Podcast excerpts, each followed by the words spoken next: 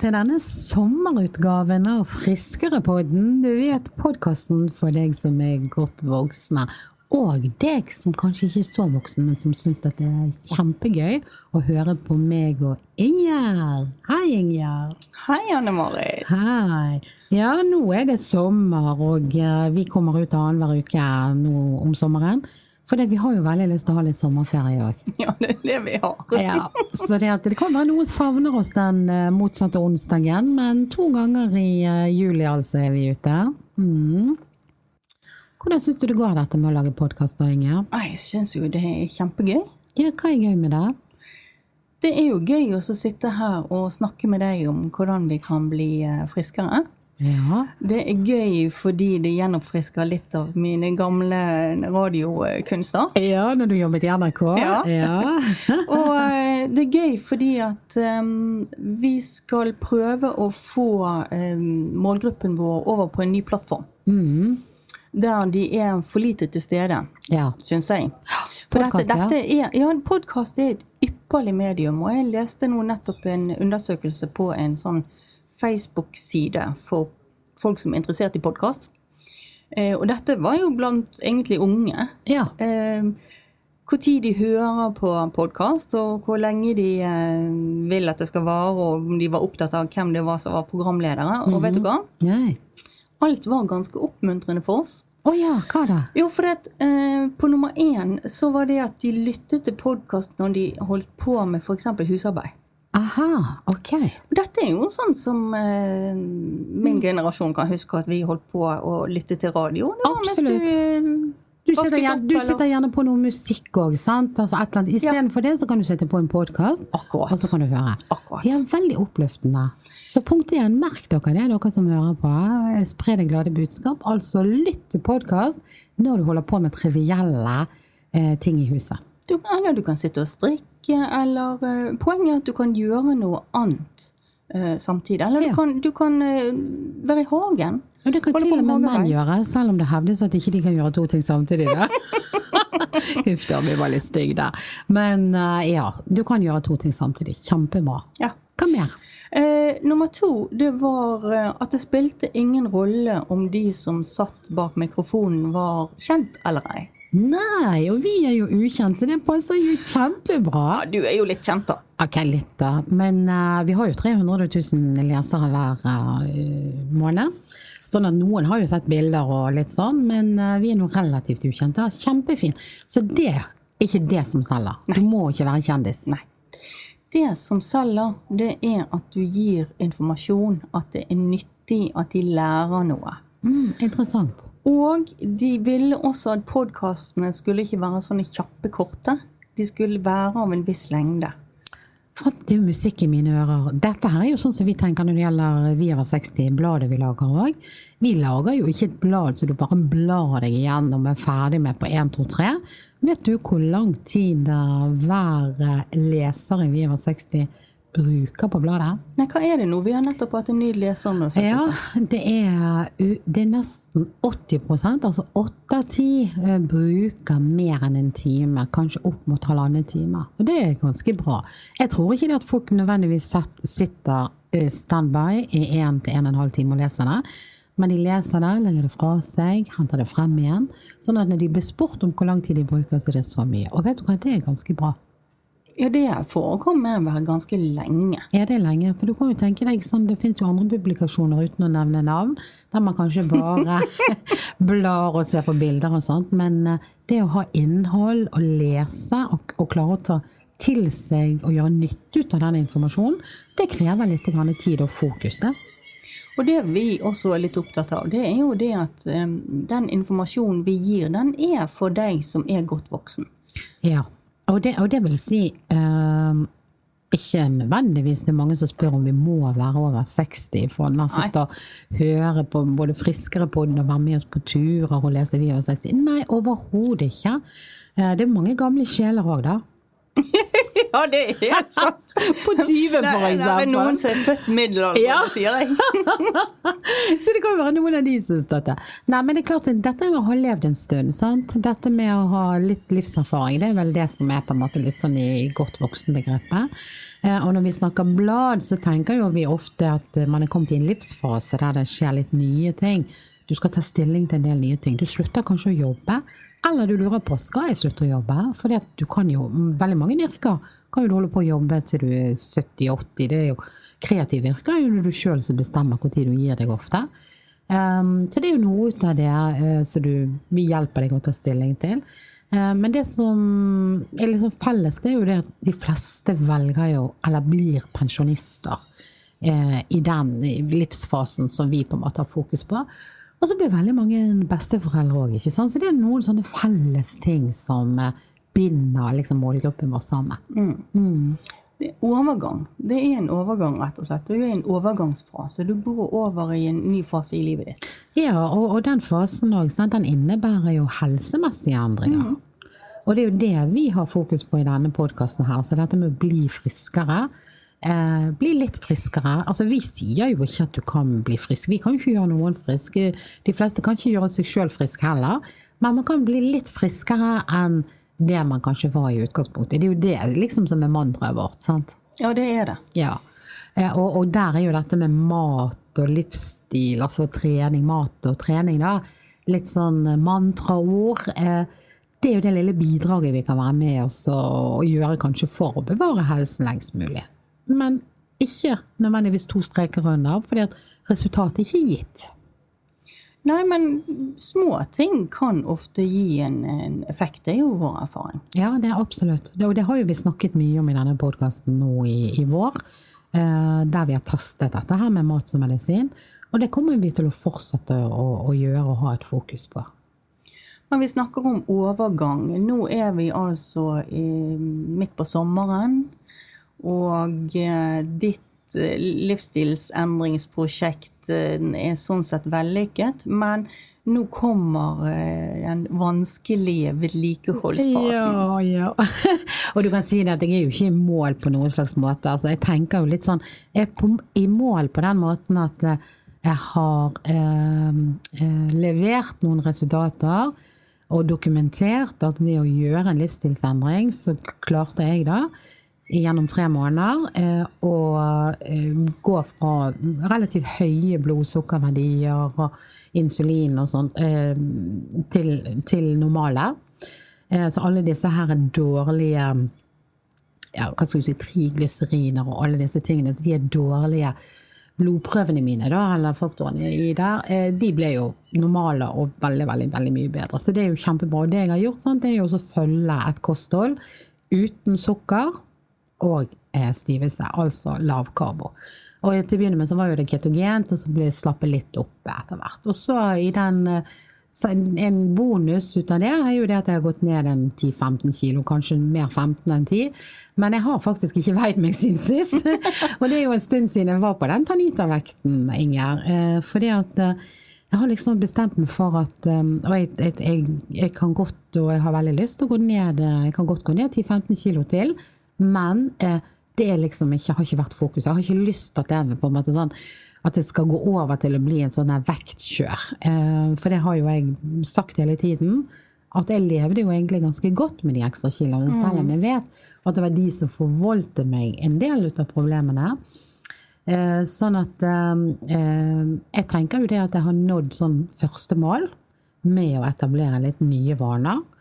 Hodet mitt er jo annerledes skrudd på nå, og det håper jeg at hvis du som lytter eh, har fulgt denne reisen, og det har vært inspirerende for deg å gjøre det samme, at du òg har merket at etter tre-fire måneder som det er gått nå, eh, at du tenker annerledes, at du velger en annerledes handlekorg, at eh, at det er noe som sitter igjen som du mye lettere nå tar med deg i hverdagen. Det, det syns jeg i hvert fall at jeg gjør. Ja, for det er jo det det handler om, å, å inkorporere dette her i hverdagen din. Um, få det til å bli en del av deg, til du nesten ikke tenker over det. Ja, og det høres jo helt utrolig ut, men uh, jeg, altså jeg kan stå inne i butikker og tenke Herlighet, altså. Spiste jeg alle disse tingene? Eh, og, og det er sånn alt fra sånn tebrød til det ene og det andre som nå er på en måte sånn ikke-mat for meg. Så det har i hvert fall skjedd. At eh, eh altså jeg kan fremdeles ha Jeg kan få søtbehov og sånt, men da velger jeg bær istedenfor. Altså, altså jeg har jo byttet ut Altså det er veldig mye matprodukter som står på min ubevisste nei-liste. Um, og det, det, er jo en god ting som har skjedd gjennom tre-fire måneder.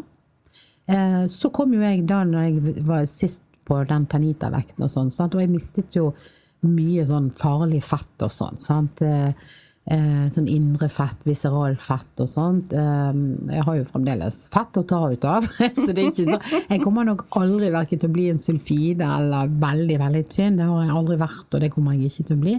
Men, eh, men det der å, å, miste de farligste kiloene som legger seg rundt innvoller og sånne ting, det har jo vært et, altså det er jo jeg er kjempeglad for det at det er det som har skjedd. Og når jeg var på dette kurset i Spania, så fikk jeg anledning til å snakke litt mer med legene eh, Sofie og Erik Eksberg, eh, som egentlig sa det at jeg var en sånn type type som responderte veldig godt på et mm. sånn type kosthold. Så jeg tenker jo det at jeg må jo bare prøve å fortsette å gjøre det så godt som jeg kan. Um, og så er jo det sånn at du sånn vektmessig kommer på sånne ulike platåer. Så hvis det skal være liksom sånn når du har gått ned til 15 kg, så kommer man ofte på en sånn platå der du blir liggende en stund. For kroppen driver jo og jobber mot meg. Den vil jo tilbake igjen til den vekten jeg har vært før. Ja, sånn at uh, jeg, um, jeg må egentlig jeg, Så jeg har ikke vært på en vekt siden sist. Men det som jeg har sagt, for det, det, er jo litt av det som er utfordringen som vi snakker litt om nå, Inge. Det er at nå er det sommer. Det er veldig lett å, å på en måte sånn skulle unne seg. Det er varmt og godt, du er på ferie. Du, ehm, det, det, er liksom annerledes. Det er ikke hverdagen. Sant? Du vil unne deg litt mer fordi det ikke er hverdagen. Og da er det lett for at du sklir tilbake igjen til litt eh, vaner eller uvaner. da. Siden vi nå snakker om vekt, dette med vektoppgang det går jo så gradvis og så langsomt at du nesten ikke legger merke til det. Ja, sant. Så, så, og det er jo nettopp det som skjer. Sant? Sånn at eh, det å i hvert fall følge med, og at ikke det liksom kiloene begynner å snike seg på eh, Det kan jo godt være kiloer som er vann, men da er jo det en grunn til det. Altså, da er det et eller annet de spiser som gjør altså, det, det, er rett og slett å følge litt med hva som skjer i kroppen. Og det er jo liksom det som er kanskje erfaringen nå etter å ha lagt om eh, livsstil, og interessere seg mer for seg sjøl og maten og mat som medisin, kroppen sin, det er jo det at du faktisk blir litt mer nysgjerrig. Hva er det som skjer? Mm. Eh, og en av de tingene som var en aha-opplevelse på det kurset som jeg sjøl var med på i, i, Spania, som vi hadde, eh, det var jo det at eh, Erik Hekseberg fortalte helt sånn glitrende at det å spise for mye protein, selv protein, altså kyllingfileter, eh, blir omgjort til sukker i det som kalles sukkerfabrikken i kroppen. Som igjen blir en del av fettfabrikken. altså Det skjer i leveren, alt dette her. Eh, sånn at en må være litt sånn bevisst. Så, så jeg syns det er en sånn type vekst som viser litt av hva som er inni kroppen, for det ser jo ikke vi. sant? Du kjenner ikke det, ingenting. Altså Du kan kjenne hvis du får mye vann i kroppen og sånn, men men uh, ta en statussjekk på det. Det tror jeg er ganske lurt. Men uh, fordi at jeg vil aldri bli en sånn av den som løper på vekten sånn i tide og utide. Nei, og det uh, applauderer jo jeg, fordi at jeg tror ikke det er helsemessig bra å veie seg i tide og utide og bli så opptatt av de tallene at til slutt blir det det eneste som betyr noen ting. Nei, for du har jo variasjoner hver eneste dag. Ja. Så det at jeg er mer på jakt etter nå å holde også kontroll med blodsukkeret mitt. Sånn at eh, det som kommer til å være med meg på ferie i år, og det er første gang ever, jeg blir 53 år i år, jeg kommer til å ta med meg et blodsukkerapparat. Ja, det må være den første ferien. Ja, Kan du tenke deg, der er vi kommet. Og du som var så redd for å stikke deg, og nå skal være med på ferie. Ja, kan du tenke deg altså, hva andre putter i, eh, i vesken, men jeg tar altså med meg et blodsukkerapparat. Og det, det forteller jo litt sånn jeg tror det er lurt å gjøre det, for det, det er jo blodsukkeret som er på en måte problemet mitt. Og hvis det kommer ut av kontroll, så kommer det meste annet ut av kontroll òg. Så det har jeg innsett at det å ha med meg det der lille apparatet med noen nåler og noen strimler og bare sjekke hva er det som skjer Jeg begynte jo på nesten 11 i blodsukker når jeg fikk den diagnosen i februar. Og eh, langtidssukkeret mitt nå når jeg eh, sjekket eh, Da jeg ble sjekket etter tre måneder, og sånt, det var jo kommet eh, på 6,8 eller 9. Og er du under 7, så er du på en måte diabetesfri. da. Eh, Men det skal etter alle solemerker gå enda lenger ned når leveren og alt får tømt seg for eh, ting som eh, eh, Så jeg må holde kontroll rett og slett på blodsukkeret. Så eh, det må pakkes med, Inger. Ikke, Jeg det, syns- ikke det er veldig sexy? Der putter du med deg det ene og det andre og det tredje, sant? og så blodsukkerapparat. Altså, det er jo litt usexy, men eh, jeg tror det er nødvendig. Og jeg tror det er noe med å Det, vil det høyner litt bevisstheten òg, sant. Når du da er eh, på tur, vil unne deg noe, ja vel, unne seg noe, ta en liten sjekk. Jeg vet du hva, dette er egentlig ikke bra for kroppen min. Eller dette gikk bra. Det er jo òg en greie. Og jeg driver jo fremdeles og lager dette brødet. sant? Jeg har jo fortalt at um, altså, det er veldig mange som går på lavkarbo, de spiser jo ikke brød. Uh, For det brød er jo en av de her fyrstingene. Mm. Uh, Eller du uh, Så jeg fant jo ut veldig tidlig at jeg er nødt til å finne en type sånn lavkarbobrød som er akseptabelt, som jeg kan spise. For det, jeg synes bare, altså, bare tanken på å ikke kunne ha en brødskive, det virket helt uh, forferdelig. Boller, te, brød, hotdog, altså alt det der spiller ingen rolle. Men akkurat det der med en sånn brød. grov brødskive, på en måte. Så jeg fant jo et sånt frøbrød som er rett og slett bare frø eh, og eh, nøtter. Og som limes på en måte sammen av litt sånn fiberhusk, bare ikke noe egg i ingenting. Og det er jo, det lager jeg en dag i uken. Og det holder liksom sånn til meg og min samboer gjennom hele uken. Eh, og jeg føler sånn største lykke. To sånne små skiver, de er jo fulle av ikke korn, men frø. Eh, med noe salami og noe majones på. Det er blitt min høyderase.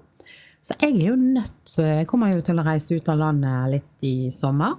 Eh, Ned til min lille skrivestue der nede i Atlanterhavet. Ja, Atlanterhavet. Eh, Om jeg skal være der én uke eller tre uker, det vet jeg ikke. Det må jeg ta litt så det kommer, eh, egentlig. Eh, Men jeg kjøper alltid billett én vei. og ikke retur. Ja, men jeg, jeg har tenkt litt på det, og det er jo egentlig en, en eh, god holdning til ferie, det. Det gir jo en sånn følelse av uendelighet, tenker jeg. Å, det er så deilig å ikke ha returbillett. Og det er sånn, for hvis det blir for varmt, og hvis det blir for kjedelig, eller for av og til så er jo man, man er jo forskjellige steder med seg sjøl. Og noen ganger så, så kan du være veldig rastløs. Det spørs jo litt hvordan forsommeren har vært. Sant? Det spørs hvor du er når du drar ned. Sånn at jeg, eh, jeg, jeg, jeg får helt sånn kvelningsfornemmelse med tanken på at jeg skal ha en retur. Eh, spesielt når det gjelder det å reise ned der. For det er jo på en måte hytten vår i, i varmen. Men det er klart, der spiser vi helt annerledes enn hjemme. Sånn at eh, brødoppskriften min, det jeg tenker mye på nå, det er hvordan jeg skal forberede Mm. Eller hvordan jeg skal få til å lage det brødet der nede. Jeg tror at jeg kommer til å ha Og jeg reiser jo via England. Det går ikke direkte fly om sommeren til Lanzarote. Jeg reiser via England. Der er de veldig strenge. Og jeg reiser med en uh, håndbagasje. Sender Mm, ja. ikke. Så det jeg, jeg, altså jeg kommer jo da til å bli stoppet garantert eh, i denne Securitan, for der kommer det til å ligge mye frø. Fiberhusk. Eh, den type ting. Får man lov å ta det med ut av landet? Men nå spør du mer enn jeg vet. Nei, så, men, men det er klart at det å tenke hvordan skal du komme gjennom sommeren? Det er jo det vi snakker om. her. Ja, og, og det gjelder ikke bare når du er utenlands. Det gjelder jo eh, minst like mye når Absolutt. du er i Norge. Ja, det gjør det. For det er som du begynte med å si, det er denne kosefaktoren. Det er ferie, da skal vi slappe litt av, Mm. da skal vi tillate oss litt mer. Eh, og plutselig så eh, er du ute på eh, galeien. Ja.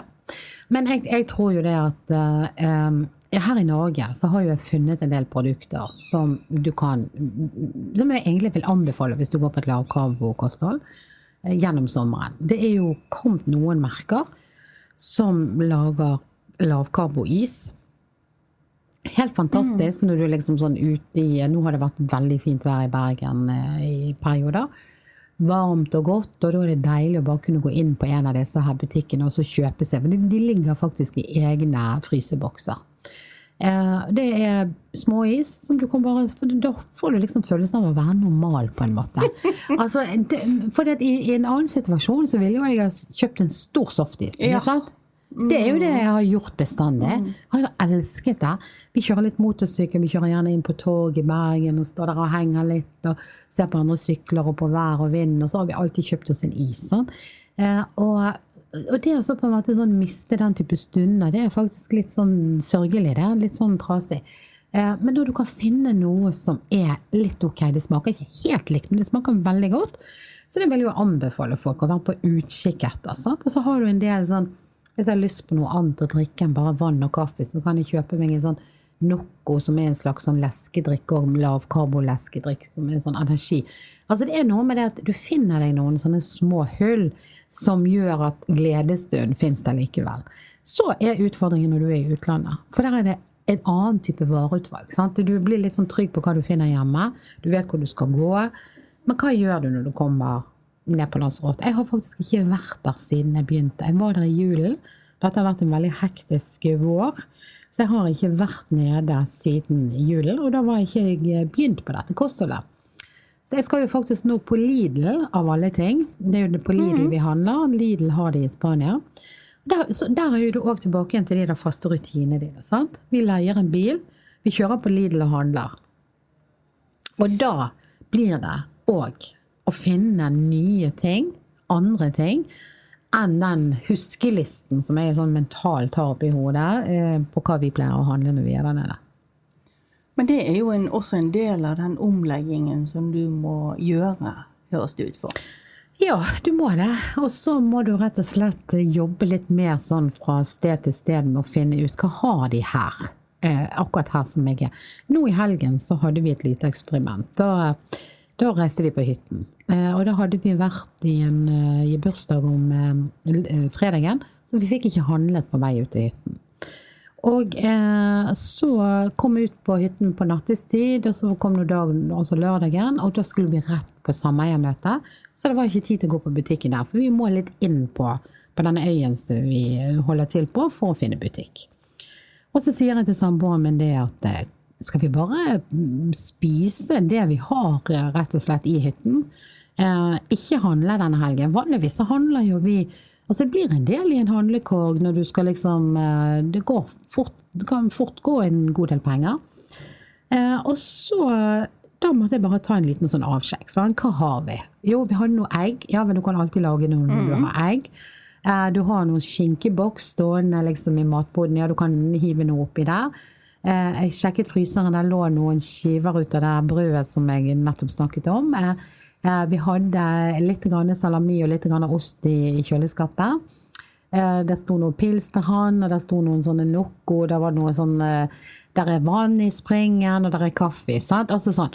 Så hadde vi en liten sånn gjennomgang, så det, det var litt interessant. Men det ble jo en helg uten grønnsaker og diverse, da. men, men um, nå når vi skal på ferie, og vi reiser ned på hytten i, i, på Lanzarote, sant? og har litt sånn hytteliv på en måte, eller vi har litt vi spiser jo en god del mer ute, så det er jo en utfordring i seg sjøl. Men i hvert fall det vi skal hive i kjøleskapet, må jo bli annerledes. Men det høres jo ut til at du er blitt ganske bevisst eh, gjennom denne prosessen. Du, du vurderer og tenker hele tiden. Det, høres jo nesten ikke ut til at noe går på automatikken lenger. Nei, eh, det gjør ikke det. Så det er jo det som er litt spennende, på en måte. Eh, at det faktisk skjer òg på et litt sånn ubevisst plan. Og det koster ikke med så mye energi lenger. Sant? Det må ikke det, Jeg bruker ikke så mye energi på det. Det ligger litt mer sånn i meg. sant? Eh, og det tror jeg er en erfaring som mange. Sant? For det, det, vi, det, er jo folk som går på dette kostholdet år ut og år inn, og, og de har veldig de, kommer vel der at det bare føles helt naturlig for de å gjøre. Og det er jo der jeg gjerne vil komme òg. Og jeg, jeg, jeg kjenner at jeg er på vei vi har på en måte bevist nå at uh, mat gjør faktisk en forskjell. Uh, og, jeg er i hvert fall overbevist, da, for å si det sånn, om at uh, det er en vei å ta videre. Og jeg fortsetter egentlig på den veien. Og vi kommer jo i denne podkasten her til å snakke om det sånn innimellom og jevnt og trutt, men det er, det er, på en måte ikke de store sånn, endringene fra uke til uke. Det blir å etablere mer nye vaner. Det er mange innganger til dette med livsstilsendring, og kanskje hooker vi fatt i noen som har gjort det på en helt annen måte. Inger, eh, i dag så skal vi snakke litt om et annet tema òg, vi. Eh, dette med asperger. i voksen alder. Det har jo vi eh, sett litt på. Kan du fortelle litt om hva er Asperger for noe? Asperger det er en diagnose som er innenfor det de kaller autismespekter. Um, de har vel gått litt vekk for å kalle det Asperger nå. Det er jo oppkalt etter eh, en lege. Veldig mange sykdommer er jo oppkalt etter den legen som har funnet dette ut på et tidspunkt. Uh, men det er um, altså en De som har en Aspergers diagnose, har utfordringer med å uh, tolke sosiale settinger og tolke hvordan andre oppfører seg, hva de sier. Eh, noen sier at de har en tendens til å tolke ting mer bokstavelig.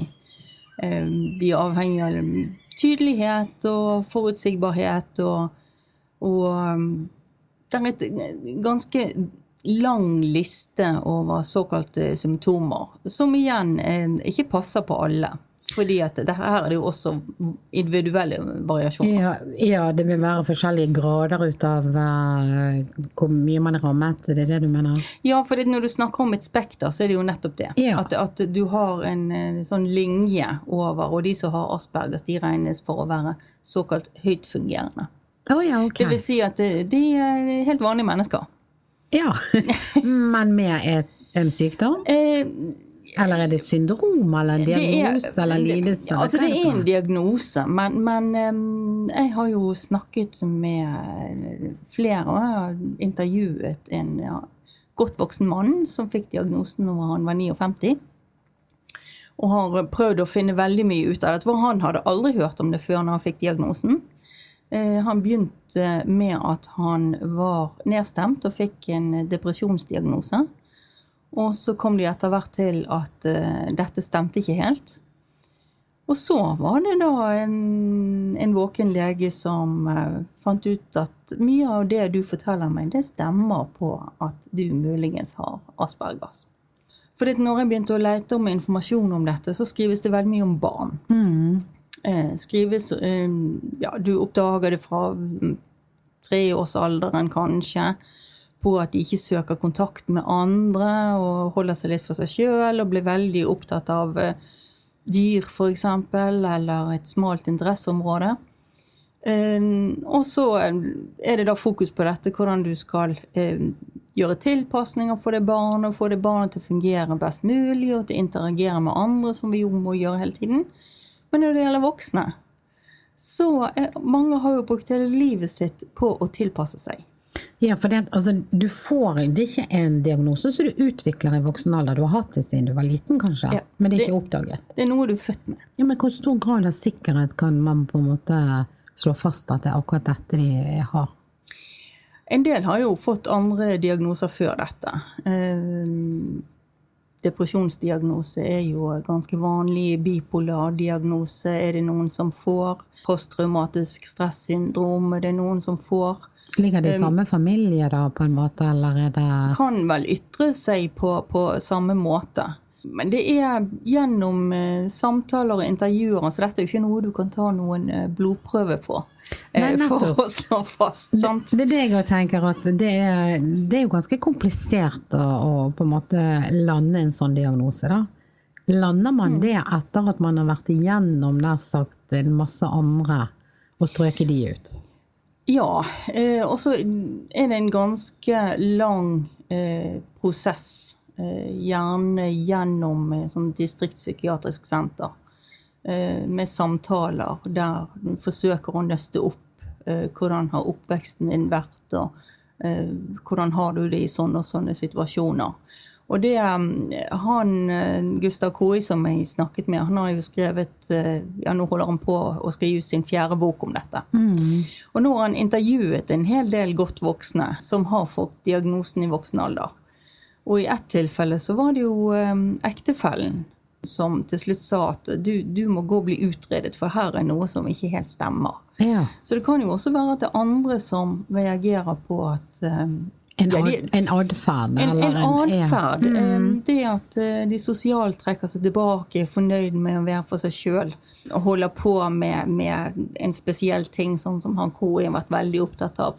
film og kan sitte på rommet sitt, som han sier, og holde på med animasjonsfilmer og sånn. Altså du blir veldig opptatt av dine ting. Men kan ikke det forveksles med det å være introvert og innadvendt, og så trekke seg tilbake og Jo, men- i eget selskap? Og, Absolutt. Absolutt. Så, det, så det, er jo, altså det er jo en betimelig grunn å spørre om alt eh, trenger en diagnose. Ja, det lurer jo jeg på, Ingjerd. Eh, Hva, tenker- hva tenker vi om det? Altså, det at eh, Vi har jo et diagnosesamfunn, det har jo vi snakket mye om. Eh, og er ikke dette egentlig bare en normalitet eh, som kunne vært akkurat det, en normalitet? Jo, altså Jeg er jo enig med, med Gustav Koi på det. At eh, det, det er en, en variasjon en, innenfor eh, det som man ellers kan kalle, kalle normalt. Ja. Eh, Men det er klart at vi har et samfunn i dag der vi, vi kanskje skal være mm, veldig sosiale, og vi må omgås folk hele tiden. Så det stilles nok krav som gjør at det er noen som av ulike grunner faller utenfor. Og det er spesielt viktig, tenker jeg, å fange opp eh, unge. For de får jo en helt annen oppfølging og støtte nå enn eh, det de har fått før. Men hva gjør man da altså, hvis man har fått denne diagnosen? Eh, Det er jo ikke en diagnose som det er noe medisin for, er det det?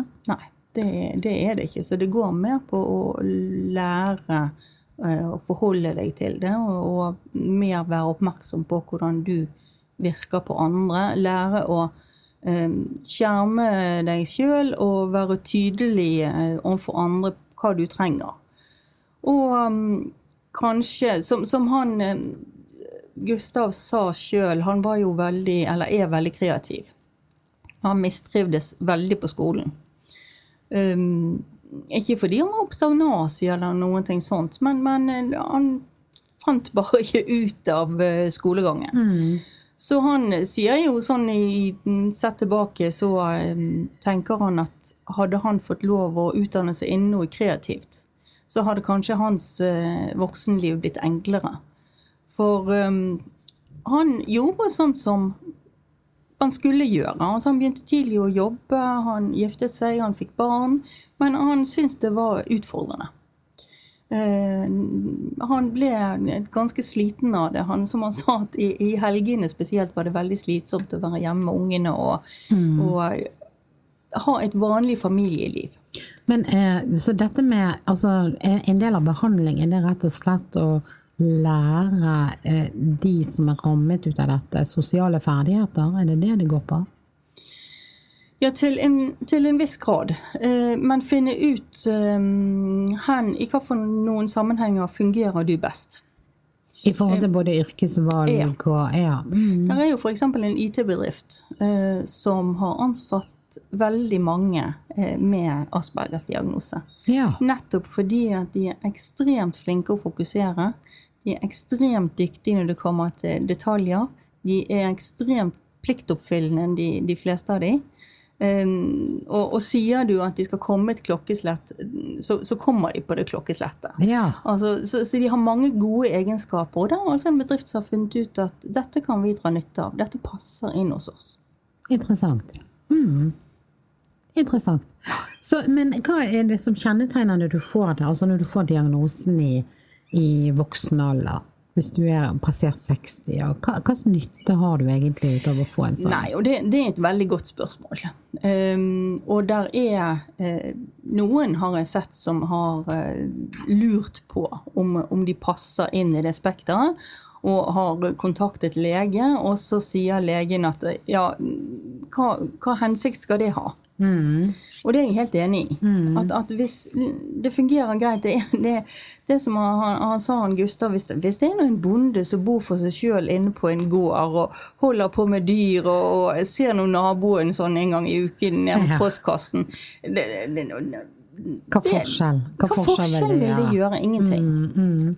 Nei, for det, for det er det jeg tenker at når du, eh, når du Hvis du har levd et langt liv opp til du er 60, og du har funnet deg ulike strategier å leve med deg sjøl på, dine omgivelser på, og det ikke er noen medisin som kurerer deg, hva, hva nytte har du egentlig ut av å få den merkelappen, da, hvis du kan si litt om det? For med en gang, for dette er jo en psykisk lidelse, det ligger vel i den kategorien. Mm. Um, og da er det alltid stigmatiserende. sant? Mm. Så det at med en gang du får den merkelappen sånn i pannen, Aspergers, jeg har Aspergers, mm. hva skjer da? Nei, altså Det er jo noen som uh, sitter med den følelsen at uh, hva, hva for et poeng var det med dette? Fordi at de opplever at de ikke har fått noen oppfølging og ikke har fått noe hjelp og ikke har fått noe veiledning. Um, det som er, det er jo at veldig mange får en slags altså Hvis du sammenligner med, med en fysisk lidelse, så får du senskader. Fordi at du har drevet og tilpasset deg og tilpasset deg og tilpasset deg, og ikke helt skjønt um, at det var det du gjorde. Og, og, kanskje ikke helt skjønt hvordan du skal løse disse de, uh, gåtene som andre mennesker fremstår som. Du, og det de også har funnet ut, er jo at de trodde først at det var veldig mange flere gutter enn jenter som hadde en Aspergers lidelse. Men det bare at jentene er som regel flinkere til å lese sosialt, eh, altså kopiere andre. Eh, det er som å spise med kniv og gaffel. 'Å ja, du gjør det sånn, ja.' Ja, men da, da de kopierer jeg sånn som du gjør det. Akkurat. Og da er det vel sånn det skal være. Sånn at de har gått litt under radaren. For det er like mange kvinner som menn? Man tror vel kanskje fremdeles at det er flere menn enn kvinner, men, men uh, her skjer det mye endring. Men, men, er det stigma rundt dette? Altså det å på en måte få den merkelappen, sant? diagnosen. Um, opplever du at uh, det er det? Hva vet vi om det? Det er jo uh, derfor han er intervjuet, eh, er så veldig åpen rundt dette og forsøker å finne ut eh, informasjon om det og har snakket med fagfolk og har snakket med pårørende. Eh, vi er jo fremdeles der at det å ha en, en psykisk lidelse har et større stigma. Men jeg tenker samtidig at den beste måten å unngå det på, det er jo, som han gjør, å være åpen og snakke om det. Fordi at Eh, dette er eh, høytfungerende mennesker. Dette er ikke mennesker som i gåsehud er gale på noen måte. De må bare finne sin plass. Mm, mm. Ja, vi har i hvert fall Vi har jo sagt det flere ganger at vi, vi er jo ikke veldig begeistret for dette her merkelapp- og diagnosesamfunnet, sant, som vi egentlig ser. Uh, og det er jo, uh, tenker jeg, litt sånn innenfor Dette er en sånn type sykdom som er litt sånn innenfor den, eh, den sant? Ja. ja. Jeg tenker at dette er en sånn type sykdom som er sånn spørsmål er dette en sykdom. Ja, for egentlig så er jo det sånn mer den originale som er normal, men bare er litt sær eller spesiell, som, som, som vi alltid har sett eh, har vært der, om det er noe i bybildet eller om det er på bygden. ikke sant? Men, eh, og det har vi levd egentlig ganske godt med. Men i dag så er det sånn at vi gjerne vil vite hva vi både forholder oss til, og eh, hva den Hvis noe skjer med oss og vi føler oss litt utenfor, så vil, vil vi at en ekspertise eller noen skal mm.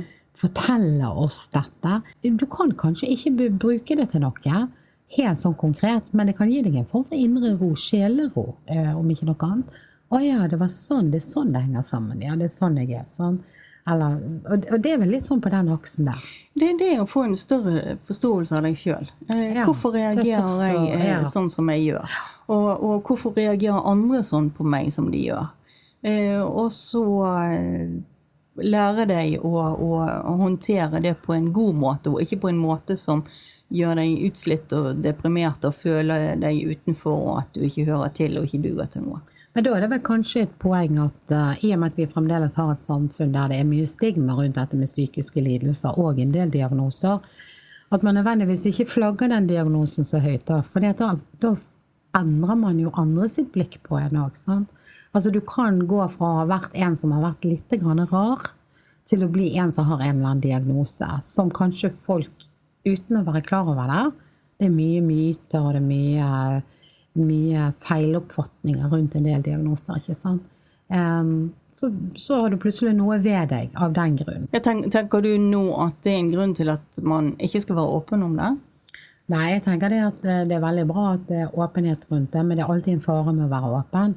Eh, og det er jo det at eh, noen Når man forteller at man har et eller annet, så er det ikke alltid det at de som du forteller det til, forstår egentlig. Altså, noen blir jo skremt ut av diagnoser òg. Å ja, du er den med ADHD, eller du er den med Asperger. Det høres skummelt og skremmende ut. Du, du, du, er, det må være noe spesielt med deg. Um, det er jo det vi slåss mot hele tiden, sant? de fordommene som kommer opp. Uh, så jeg tenker det at um, det er jo kanskje sånn i dette diagnosesamfunnet, tenker jeg, at uh, en del av diagnosen er litt unødvendig, og de bør kanskje ikke Det er jo ikke et poeng å gå rundt og flagre med diagnosene heller. Nei, jeg tenker det er sånn generelt sett. Enten du har fått en ja. diagnose for en psykisk eller en, en, en fysisk lidelse. Ja. Uh, så, for det, lidelsen er jo ikke deg. Eh, så, så, kan du si at, at, det å ha asperger så er jo på en måte en del av deg sjøl, men, men, ja, men, det er ikke det, det som definerer deg. Det er jo en del av personligheten mm. din, altså det, og det har ikke vi snakket så mye om nå når vi har snakket om asperger. Men, men eh, som, du sier, som, du sier, du stiller spørsmål tegn om det i hele tatt skal kalles en sykdom. Og veldig mye av det jeg hører når det gjelder aspergers, det er der kan vi snakke om JTI, vi kan snakke om det ene og det andre, fordi at folk er forskjellige. Eh, noen er innadvendte, noen er utadvendte, noen er sosiale, noen er mindre sosiale. noen er, altså Alt dette fins, det kan jo man teste i personlighetstester. Um, og um, det er jo en slags personlighetsbeskrivelse. Spørsmålet er er det en personlighetsforstyrrelse. Er det i den kategorien Aspergers? Ja, det er jo derfor det har havnet i det autismespekteret. Utenfor det som er definert som helt sånn innenfor det normale, da, som vi har definert som normalt. Ja. ja. Og dermed blir det en diagnose. Sant? Ja, og det er dermed det blir en diagnose, så du ja. sier det, det, vi har definert som uh, normalt. Ja. Og, og, og, egentlig så vet jo vi som har jobbet mye med både Jungs typepsykologi, personlighetstester og alt dette her, at det eneste normale er jo det at vi er ulike. Ja. Eh, og uten at det nødvendigvis skal bety at man har en, uh, blir puttet i en bås eller har en diagnose. Men interessant tema.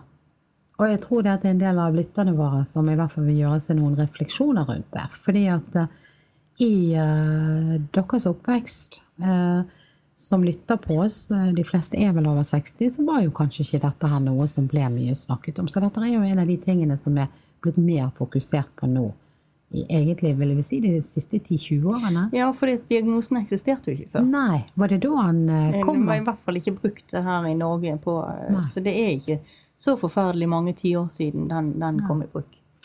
Så dermed, så hvis du sitter og lurer på om dette her er noe som på en måte kan gjelde deg, eller han eller hun du er gift med, eller noen andre du kjenner, eh, så hva vil du anbefale da, Inge?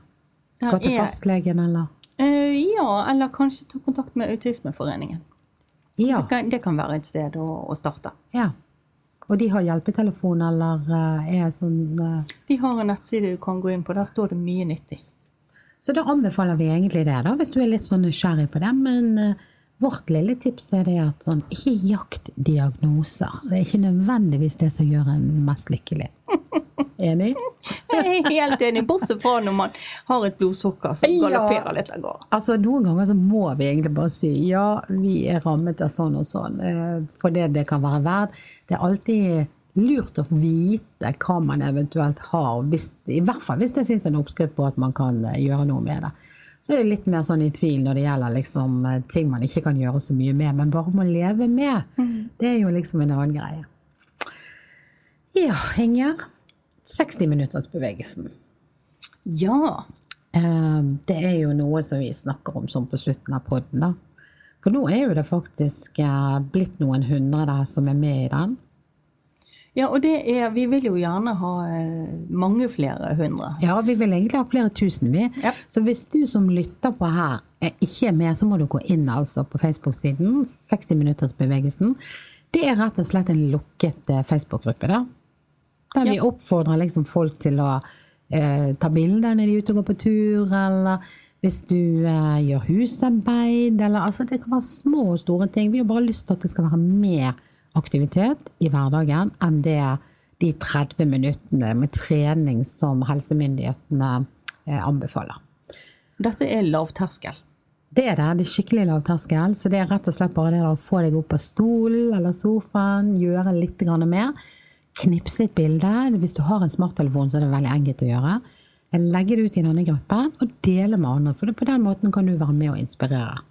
Det er jo det vi ønsker. Det er det vi ønsker. Å få gode ideer til. Ja, men det vil jeg også forsøke. Så hvis du er på klubben, eller på golfen, eller du er på en reise, gjør noe spennende med andre, spør om de er med i 60-minuttersbevegelsen. Og hvis ikke, hjelp de inn, sånn at de kan bli medlemmer. Og på den måten så kan vi bli noen tusen. Ja, jeg syns det der er noe som er verdt å eh, fronte. Så vi bare sier 'go for it, girl'. Og Oh boy. Oh boy. And boy. Greit, da avrunder vi i dag, da, Inger. Det gjør vi. Og så ønsker vi fortsatt god sommer til de som lytter. Til alle som hører på oss. Ja, og så eh, kan dere høre veldig snart også igjen i denne kanalen med spennende gjester, så bare gled deg. Gjør det. Ha det! Ha det.